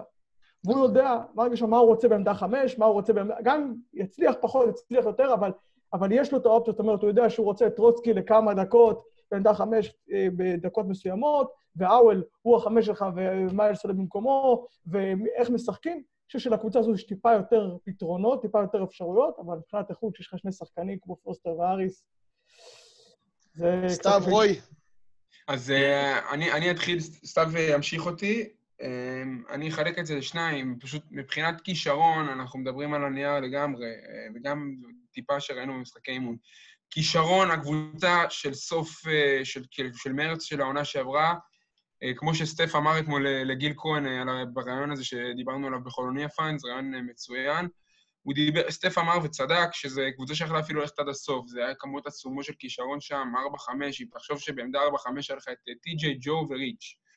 אה, זה- שזה באמת אה, מבחינת כישרון גם בפנים, גם בחוץ, היה לך את פוסטר ומני אריץ', שתי שחקנים שהם יוצרים מצוין בבידודים. עוד פעם, כקבוצה, הייתי לוקח על הנייר את הקבוצה של השנה, כי היא קבוצה יותר מאוזנת, יותר מוכוונת שיטה, אה, יותר מתפקדת מבחינה קבוצתית. שנה שעברה זאת קבוצה מאוד אה, פרסונלית של, ש- שמאופיינת במשחק הזה של הבידודים. אה, ואם אנחנו מדברים על משחק נתון, אם אתה אומר לי, תשמע, עכשיו אתה צריך לבחור קבוצה שתעלה לפרקט, אני בוחר את הקבוצה של שנה שעברה. אם אתה אומר לי, תשמע, תרוץ לי עכשיו עונה שלמה עם איזה קבוצה אתה בוחר, קבוצה של השנה. טאבוך. אני אסיים את זה, ובאמת, זו קבוצה שנה שעברה, בקושי ראינו את הסוף עם מני אריס, הייתה קבוצה שבאמת הייתה יכולה ללכת עד הסוף, והיא הייתה יותר טובה מהקבוצה שלנו השנה לפי דעתי, אבל הכל היה שם רעיל, אתה לא יודעת מה, מה אתה הולך לקבל, אז כמובן השנה דף חדש, אה, כמו שרועי אמר, הייתי הולך איתה, ואני רוצה להתקדם. אה, באמת אמרנו בהתחלה, יעקב, שאתה הסקופר הראשי של אה, הכדורסל, ואנחנו באמת אוהבים סקופים. אולי יש איזה שחקן שהיה מועמד בקיץ לחולון והיה כבר אה, מגעים, והוא לא הגיע בסוף, חוץ מדי.ג'יי ווייט ששמענו עליו? איזה זה שם ככה מעניין. כן. האמת, קודם כל הסיפור עם עזרא מיילס היה סיפור טוב, אני ראיתי שאהבתם. מאוד. אה, יש משהו שמכיוון שהוא היה קצת בדיעבד, אז לא בדקתי אותו. אולי פעם הבאה כשאתם מביאים מישהו מהקבוצה תשאלו אותו. אבל חבר ביוון אמר לי שדדס דיבר עם מנצריס. דיבר עם מנצריס, כמו שקסטריץ דיבר, קסטריץ הפועל דיבר עם, אה, פפס. עם, עם פפס. אה, הוא אמר לי שדיבר עם מנצריס, ש, שאגב, כל הקיץ היה בלי קבוצה, עכשיו ראיתי שאולי כנראה הולך לפרומיטס, ממשיך שם. אה, אז זה שם מאוד מאוד מעניין. אה, טי.ג'יי, אנחנו גם ראינו אתמול בריאיון, טי.ג'יי קליין, זה שחקן שבאמת מאוד מאוד רצו. איגור קולשוב, זה שחקן שאם היה רוצה לשחק בארץ, הוא היה בחולון. מאוד, יודע, הוא השאיר, הוא השאיר טעם טוב מהתקופה הקצרה שהוא היה פה ב-18-19, היה בחולון ב-18-19, השאיר טעם טוב, מאוד אוהבים אותו, מאוד רוצים אותו, והבהירו לו שאם הוא נשאר פה, אה, הוא, הוא, אני מניח שהוא היה מגיע כנראה לפני ווילי וורקמן, כנראה מה- משהו היה צריך טיפה להשתנות, כי זה לא בדיוק אותו סוג של שחקן, אבל זה כן אותה משבצת, פחות או יותר. מאיר טען שהוא יכול לשחק שתיים. בקבוצה הזאת של חולון, כלשהו. הוא כבר שיחק שתיים בעבר שלו, זה לא זה לא עמדה חדשה. אני, אני קצת, פר, כאילו, אני לא, לא רואה שהוא באמת יכול לעזור יותר מדי ב- בלהוביל את הכדור. שתיים, לא. היום בטח... אבל לא- לא בקונסטלציה של להוביל את הכדור, אבל בהרכב שאתה משחק עם, אה, עם, מוביל, עם מוביל כדור וארבעה קלעים אה, מסביב. הוא, הוא יכול, אתה יודע, העמדות הן מאוד דינמיות, יכול להיות שתיים ושלוש, היום שתיים ושלוש זה הבדלים, אה, בטח בליגה שלנו, מזעריים. גם, גם מבחינה כלכלית אני לא רואה את האפשרות להביא גם את קולשו וגם את ווילי וורקמן. אה, אז אם איגור קולשו היה מוכן לשחק בארץ, אני, הוא כנראה היה בחולון, הוא פשוט לא, הוא לא רוצה להיות פה, לפחות לא בנקודת הזמן הנוכחית. אה, הזכרת את אה, אבנג'ליס מנצריס. אה, את מנצריס אה, חתם לפני ארבעה ימים על חוזה באא"ק אתונה-. רשמי? אה, עכשיו התבשרנו, כן, עכשיו אני בדיוק בדקתי. אוקיי. אה, שנה שעברה בפרומיטאס. גם נכון. קראנו בתחילת הקיץ באיזשהו דיווח על עוד שחקן מפרומיטאס ש... שמאוד רצו אותו בחולון ובסוף בחר בבמברג. אנחנו מדברים על אה, שחקן בשם צ'ייס פילר, אה, שהוא שיחק אה, ארבע וחצי או ארבע, גם עם כליאה. אז המון שמות שעלו, אה, וגם בתהליך של הבנייה היה מאוד מעניין. אני באופן אישי סיפרתי גם אה, באחד הפרקים, אני לא זוכר, סוף סוף שמחתי אה, לקבל תחושה של אה, שחקן שחותם בחולון, ואני מכיר אותו לפני שהוא חותם בחולון. זה היה כמובן טיירוס מגי, שם שאני מאוד... לדעתי זאת הח- ההחתמה המרכזית בקיץ, זה השחקן הכי טוב שהגיע לפה, לדעתי כולל גם שנה שעברה. אף שם שנה שעברה, כולל פוסטר, עם כל הכבוד הראוי, לא מגיע לרמה של מגי. אה, ועוד איזה נקודה שרציתי לשים, קצת בואו רגע נצא מה, משוק השחקנים, שזה נושא מאוד סקסי אה, ומעניין. רציתי רגע לשים איזה נקודה קטנה בקטע של הסגל. אה, המשיכו עם יוגב, המשיכו עם גיא פניני, אה, ויתרו על שלומי, בסגל הישראלי ראינו את זה. רציתי לשאול אותך נקודה ש- לגבי פניני, משהו שהוא מאוד מאוד אה, חשוב. אנחנו יודעים על איזשהו הליך בוררות שמתנהל בין אה, גיא פניני למועדון, הליך בוררות שכבר הסתיים. אמ, איך אתה רואה את התפקוד של גיא פניני בתור עיתונאי שנמצא בפנים? איך אתה רואה את התפקוד שלו תחת ההליך, ואיך אתה מעריך את התפקוד שלו אחרי סיום ההליך? האם זה משהו שהולך לפגוע בו ברמה המנטלית, ברמה המקצועית? כי ספציפית בסגל הזה, כקפטן, וספציפית בשיטה של דדס, לגיא פניני יש חשיבות מאוד מאוד גדולה.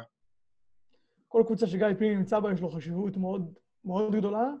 אני באופן, באופן כללי לא צריך להיות חכם גדול כדי להבין שכשיש בוררות בין, בין שחקן לקבוצה, זה לא מוסיף אווירה טובה.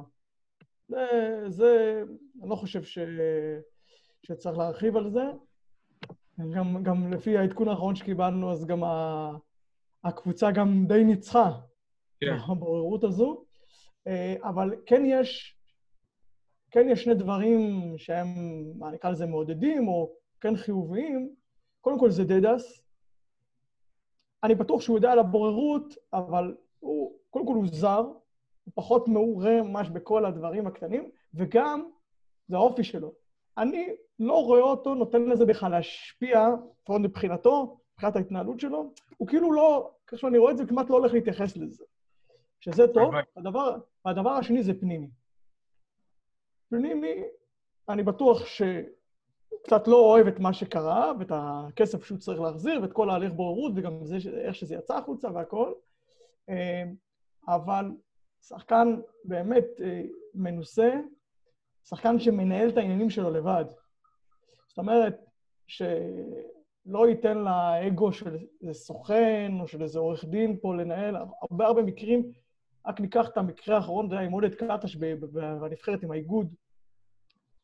שמה, לפי מה שאני יודע, מי שליבה את האש זה דווקא אנשים מסביב.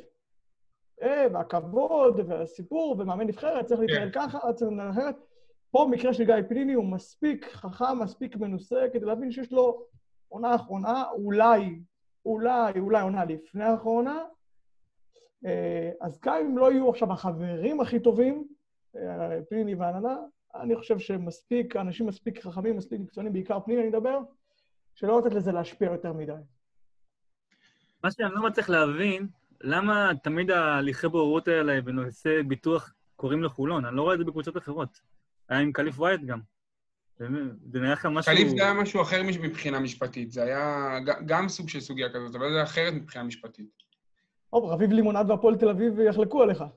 נכון. אוקיי. זה גם היה על פציעה? לא, אני היה שזה- על התנאים לא, של. השימור. אה, לא, זה היה על תנאי. השתחררות מהחוזה, מה שהיה אצל לימונד. כן, אני מדבר על פציעות, למה זה קורה בחולון? לא יודע למה. מעניין.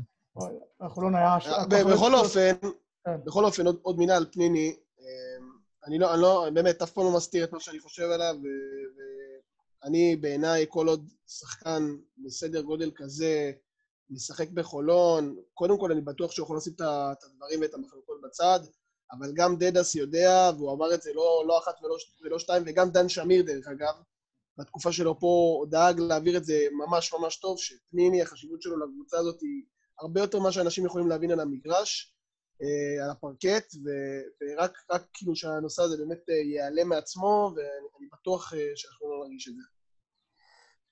טוב, אז אנחנו דיברנו על הקבוצה, דיברנו על משחקי האימון. אה, יעקב, אה, כמו הקולות מתוך המועדון, אה, נוטע בנו הרבה תחושות אופטימיות לקראת הסגל ולקראת, ולקראת מה שצפו לנו בליגה הבלקנית. קודם כל, מילה שלך על, על המהלך של הבלקנית, ממש בקצרה, מהלך, ש... מהלך שמוסיף הרבה כבוד לניהול של הכדורסל הישראלי. כן, אה, אהבתי את הרעיון, ואנחנו רואים איך- את ההתנהלות בכדורגל, כל הרעיונות שהיו שם. כל הליגות חמש על שמונה, אה, אז זה אחרת לגמרי, ובאמת מתייחסים לזה ברצינות. זאת אומרת, המינהלת, כל הקבוצות ישלימו את המשחקים, ייסעו למשחקי חוץ כשיצטרכו, אה, אז זה הדבר הראשון, אבל הדבר הכי חשוב, ודיבר, נגעתי בו בהתחלה, בזכות הבלקנית, בזכות העובדה שהקבוצות חזרו לאימונים כבר בשבוע שעבר ויעשו את המשחקים בשבועות הקרובים, ברגע שיהיה אישור, בשנייה שיהיה אישור, הליגה תתחיל. הליגה תחזור ישר. בכדורגל זה לא נכון. יהיה. כדורגל, גם כשיהיה אפשר, הם צריכים לפחות את השבועיים, שלושה, עד שיהיה אפשר לחזור לשחק, כי אתה לא יכול לתת לשחקנים לשחק מיד.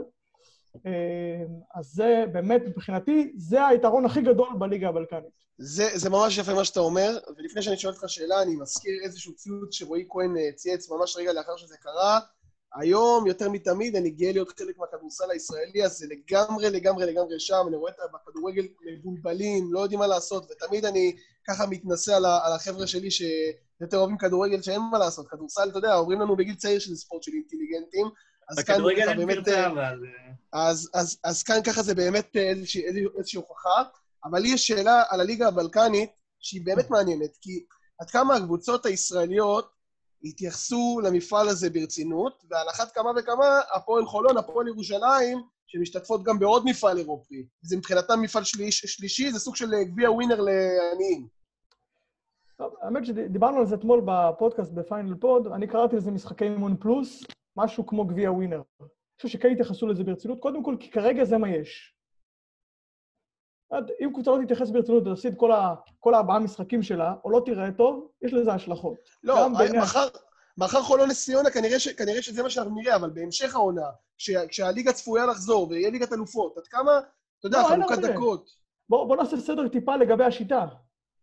כמעט לא יהיו משחקים בהמשך העונה. יש לך עכשיו את השלב הראשון עם ארבעה משחקים לכל קבוצה, אחרי זה המוליכה מכל בית, המוליכות יצטלבו ביניהן, ואז השתי, זה ארבע קבוצות, השתי המנצחות, שזה זה, זה, זה, זה יהיה שניים שלושה משחקים, זה לא יהיה יותר, שני המנצחות, שתי המנצחות, אחר כך בפברואר הולכות ל, לשלב בתים, לשלב בתים עם קבוצות מהבלקנית.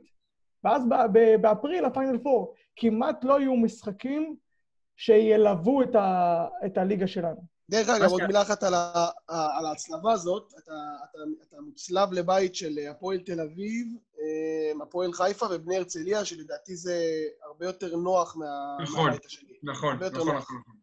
אז זה עוד משחק אחד, עוד משחק אחד, מקסימום שניים, זהו. זה לא שכאילו, שעכשיו יש לך, סתם אני אומר לך אייק, ואתה צריך אייק ב- בצ'מפיונס ליג, ובליגה יהיה לך, סתם אני אומר, מכבי ירושלים, ובאמצע אתה תצטרך לדאוג מאיזה משחק בלקנית. לא יהיה את זה. לא, אני חושב שזה ברור, אבל שקבוצה ישראלית תזכה במפעל השנה. כאילו, הקבוצות הבלקניות, עם כל הכבוד, ויש באמת כבוד, זה, זה, לא, זה לא אותה איכות. פיינל פור הכל יכול להיות. יפה אמרת. אני חושב שאנחנו אפילו מצאנו מפעל שאנחנו יכולים להשתלב, להשתלב בו באופן קבע. אני, אם זאת השיטה, אני לא רואה סיבה שלא כל שנה נעשה את זה, ואפילו נראה את המפעל הזה כקידום של שחקנים ישראלים.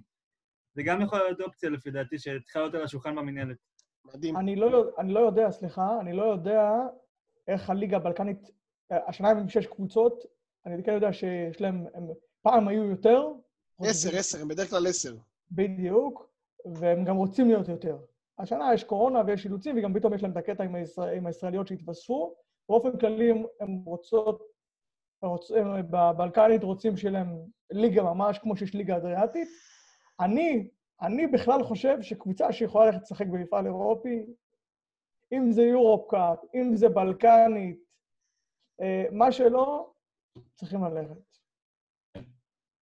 טוב, אז אה, ליגה הבלקנית מיזם מאוד מאוד אה, מאוד מאוד רצוי, מאוד מאוד מבורך אצלנו בכדורסל. שמחים שאנחנו סוף סוף נראה בשידור מחר את המשחק. בואו נדבר על המשחק של מחר. אה, אנחנו רוצים לספק לאוהדים שלנו ניתוח, פרי גיים מלא של המשחק מחר, וכשנמצא אצלנו בפוד אה, אדם כמו יעקב, אז אנחנו שמחים להשתמש בו גם לצורך זה. אה, קודם כל, יעקב, נקודה קטנה לפני שמתחילים. אה, אני יודע שזה לא ישפיע ספציפית על מחר, אבל זה סתם אנקדוטה שיכולה להיות מעניינת. איך אתה רואה את ההבדלים התקציביים בין עירוני נס ציונה להפועל חולון? זה לא זה באותו לבל או שיש איזה פער? או, יש פער לטובת, אה, לטובת הפועל חולון, אבל זה לא, זה לא הפערים, אה, זה לא הפערים מהשנים האחרונות. אני לא רואה, לא רואה שזה ישפיע יותר מדי, בטח לא במשחק כזה. אתה יודע, שחקן כמו תיירוס מגי יכול לעשות את ההבדל, שזה שחקן אולי שאין, שאין לנס ציונה, אבל פה זה אולי פטריק ייגמר, מילר. דברים האלה. אז זה בואו לא נדבר. קצת על נס ציונה, נכיר את היריבה למחר. יאללה, תעשה לנו היכרות. סבבה. מבחינת סגל ישראלי, יש להם סגל ישראלי באמת טוב. יש להם את טל דן, שהולך איתם כבר הרבה שנים, ליאור קררה, שכבר שנה שנייה, והוא היה ממש טוב בליגת הקורונה. אה, עמית אבו, שחקן צעיר, קלעי שלשות שלא כדאי להשאיר אותו לבד, משום טווח, אפילו מהלוגו. אה, נמרוד לוי, שהוא כמובן מגיע מהפועל ירושלים, חוגג נגדנו באופן קבוע. נכון, הוא קרא נגדנו שיא קריירה לפני שנתיים. אה, רביב לימונד, אין מה להסביר עליו. ואור קורנליוס, שלמעשה בא, לפי דעתי, על העמדה של גולן גוט, ויכול גם להשתלב יפה מאוד, כי יש לו פוטנציאל מאוד טוב, הוא היה טוב בליגה הלאומית, כמו שגולן גוט היה לפני שהגיע לנס ציונה, אה, אז הוא גם יכול להפתיע מחר, צריך לשים אליו לב, אור קורנליוס. מבחינת סגל הזרים, יש להם את פטריק מילר, שזה הגארד הכי שרירי ומסיבי שראיתי פה בשנים האחרונות, אני לא, לא זוכר משהו דומה. לזה. ורגס, משהו, משהו כמו ורגס. מבחינת אה, שרירים, מסה, לא ראיתי דבר כזה. אה, הוא מאוד פיזי גם, ל- לרכז. הוא מגיע מהליגה הצרפתית, הוא שיחק שנה שעברה, כלה 14 גול בממוצע וחמישה אסיסטים, הוא משחק בעמדת הרכז. יש להם את דביון ברי, ששיחק בווטב שנה שעברה, הוא היה השחקן אחד הטובים במפעל, אפילו שיחק- שני משחקים ב- ביורוליג, בווילרבן. אה, הוא צריך להיות ה scorer שלהם, גם. אני לפי דעתי צריך את קריס ג'ונסון להציב עליו מההתחלה, כי הוא, וואלה. הוא הפוטנציאל להתפוצצות שלהם. אה, ויש להם שני, שני שחקני פנים, אה, בעמדת הפורוורד סנטר, ג'ורדן מרפי, שהוא שחקן צעיר, וקוואן צ'יטאם, שהוא חמש, עם קליעה, אסור להשאיר אותו לבד, והוא גם rebounder טוב. אז כמו שאנחנו רואים את קבוצות של, כמו שאנחנו רואים את קבוצות של ברנד, אה, ברנד גרינברג, וסתיו אה, תיאר את זה בצורה, בצורה טובה. פחות דיברת על הגדלים, אבל אנחנו רואים קבוצות של אה, ברנד גרינברג לאורך השנים, קבוצות עם size, סתיו, קבוצות עם נטייה לריבאונד התקפה, נכון? המון אורך בעמדה ארבע, אה, והשנה יש לו את מה שלא היה לו בשנים הקודמות, אולי בגרסאות של מכבי אשדוד, יש לו סנטר אה, מסיבי בעמדה חמש שגם קולע מבחוץ. אה, יש לנו, אה, כמובן דיברנו על אה, קוואן שיטאם, במשחק משחק גביע ווינר נגד הפועל אילת, סיים עם 20 נקודות ועשרה ריבאונדים, ב-67 אחוז לשלוש, 4 מ-6 לשלוש, וגם אחוזים טובים לשתי נקודות. באמת שחקן מאוד מאיים. אז אנחנו, אנחנו רואים פה יריבה שהיא יכולה להיות מתנגד מאוד רציני, חשוב לנו גם לצלוח את האתגר הזה בקטע, בקטע המנטלי. אז ככה דיברנו על נס ציונה, קבוצה שיכולה לתת לנו fight, קבוצה שמשתתפת באירופה, אה, קבוצה עם ארבעה זרים איכותיים, אה, ואנחנו בפודקאסט הכל סגול, אה, עם החיזוק של יעקב מאיר, נבחר לנו ככה לפני משחקים מצ'אפים מעניינים שאנחנו רוצים לדבר עליהם. יעקב גם יבחר matchup שלו, אז נתחיל עם matchup שלנו. מאיר, דבר איתי איך אתה רואה את ה matchup בין איזאה מיילס לקוואן שיטם, האם אתה רואה שזה משהו שיכול להתפתח לתחרות קליעות, או שיש פה משהו גם מעבר?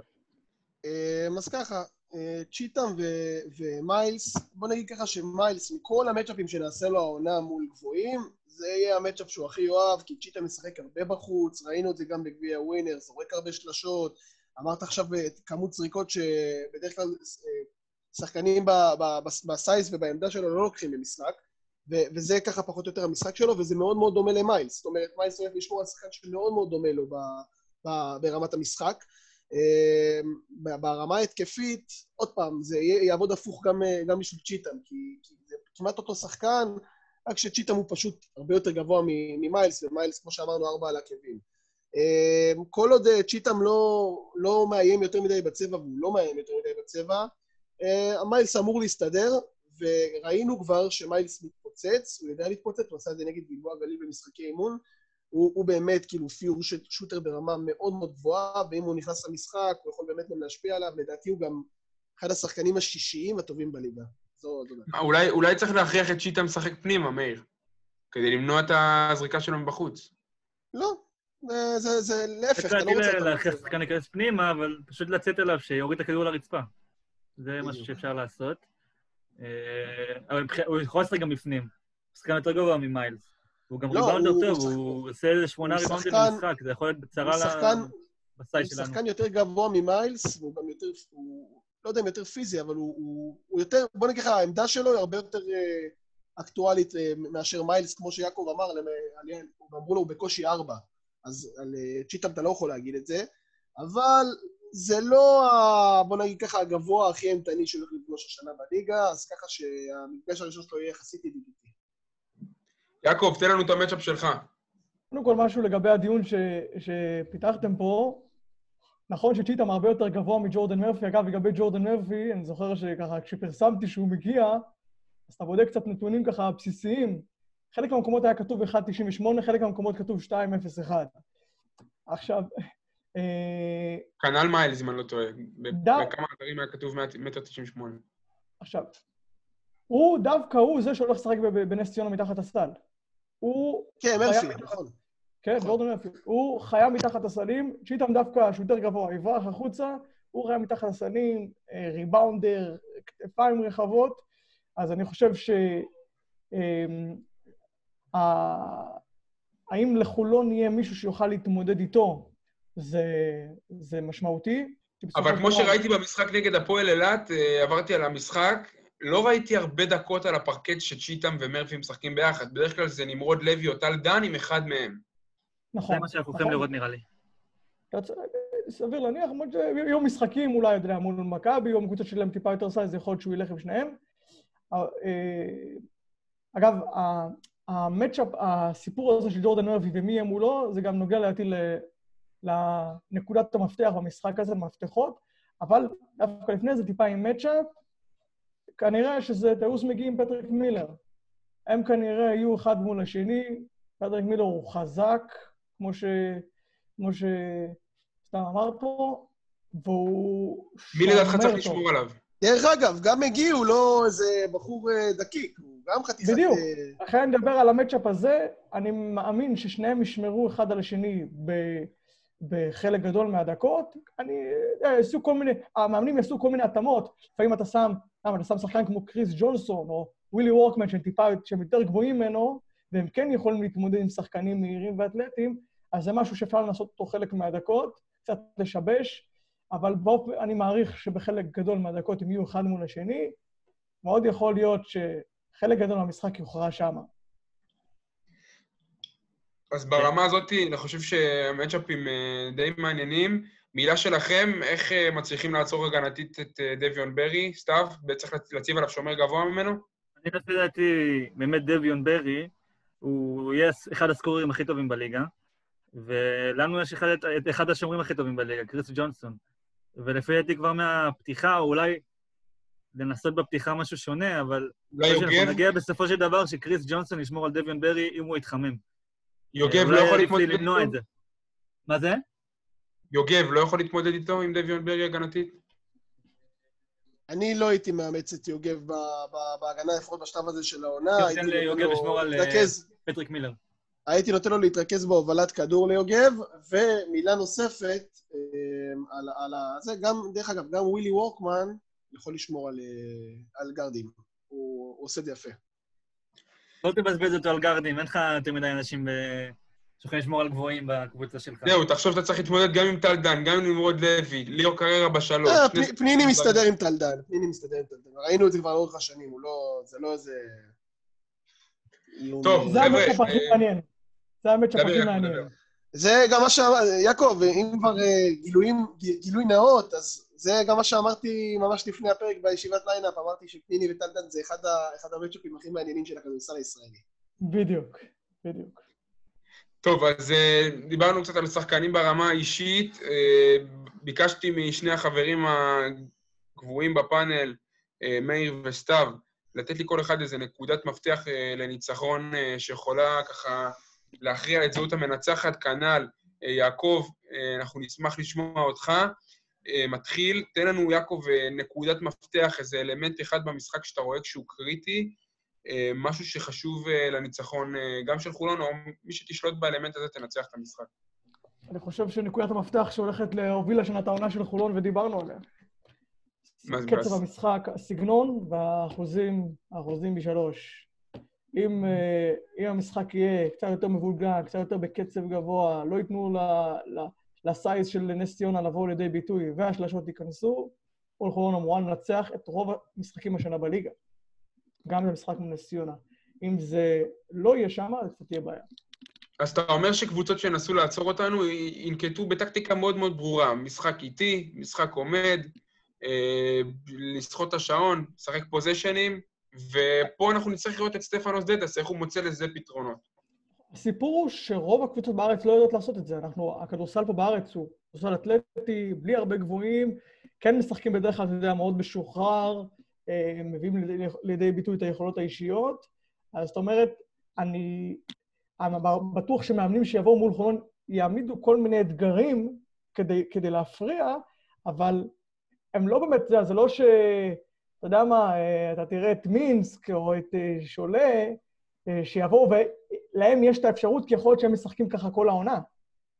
פה בארץ הקבוצות לא משחקות ככה כל העונה, יביאו כל מיני אתגרים, לשחק יותר עם איזה גבוה, טיפה אולי להוציא בפאולי בית אוול, או לעשות כל מיני אה, אה, דברים טקטיים נקודתיים, איזה משהו אסטרטגי, קבוצה שתבוא, אולי ראשון. אולי ראשון, שהם כן משחקים, אנחנו רואים איגוד לשחק יותר מסודר, וכן יש להם את מונרו, שמרכז את המשחק בפנים, הם אולי כן יוכלו להעמיד ממש אתגר אה, כזה, קבוצות אחרות יהיה להם טיפה יותר קשה.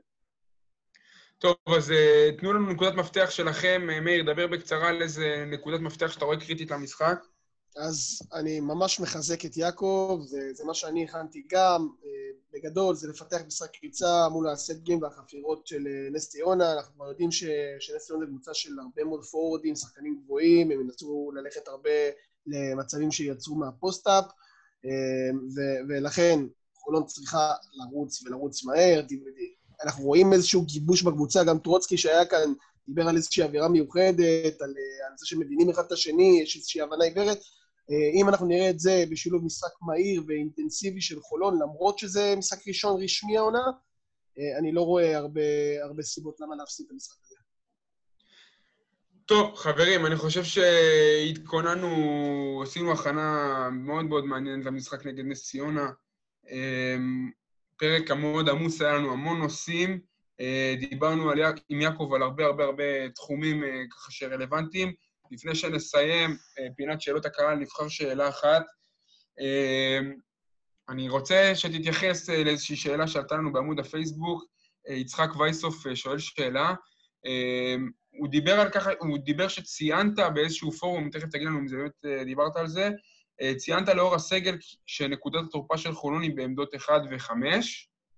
אה, אחרי שדיברנו גם על משחקי האימון, דיברת על הקבוצה, האם אתה רואה אה, שזה באמת נקודת האכילס של הקבוצה?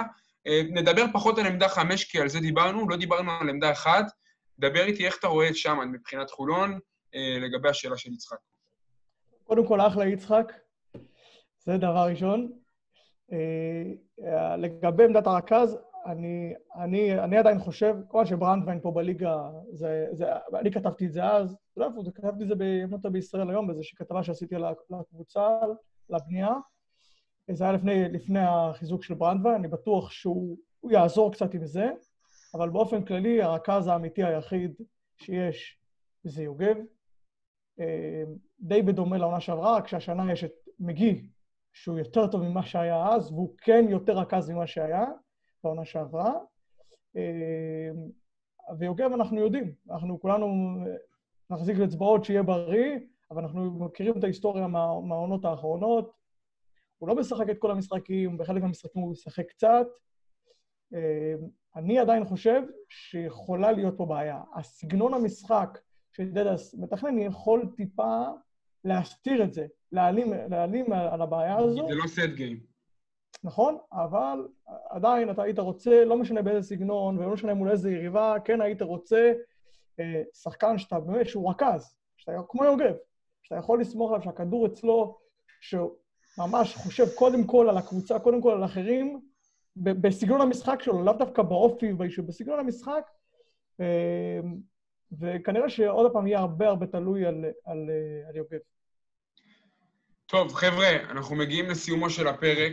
אמ, קודם כל, יעקב, מודים לך. איך היה לך להתארח בפודקאסט אה, סגול במיוחד? היה, היה מצוין, ידעתי שיהיה טוב. אחרי השיחה איתך אתמול, וגם שמעתי את זה, ידעתי שיהיה טוב, ואני חושב שאני נהניתי. אז קודם כל, אנחנו מאוד שמחים. סתיו, מאיר, תחושות שלכם? סתיו, היה סביר? היה סביר? סתיו, כרגיל, אני נותן לך את הבמה.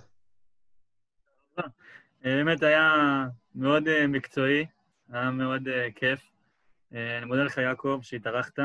זה באמת אה, בן אדם מאוד עסוק, אנחנו רואים את זה גם בטוויטר, גם בישראל היום, וזה לא מובן מאליו, אז באמת תודה. אה, יעקב, דיברת על חברים מצרפת, וככה רציתי לשאול, אמרתי לשמור את זה לסוף. אז מי, מי סיפר לך על, על זה, פרס ביסמוט? חבר מצרפת, חבר אמיתי מצרפת. אז חברים, אה, תודה רבה. היה לנו פרק עמוס, דיברנו BCL, דיברנו ליגה ישראלית, דיברנו בלקני, דיברנו קורונה, דיברנו שלמה, דיברנו פריגיים נס ציונה. יעקב, תודה רבה לך, שיהיה המשך שבוע נהדר, ושמחים שחוזר הכדורסל. תודה רבה לכל המאזינים שלנו, תהיו קשובים ברשתות החברתיות. נחזור לפרק 9 בהקדם.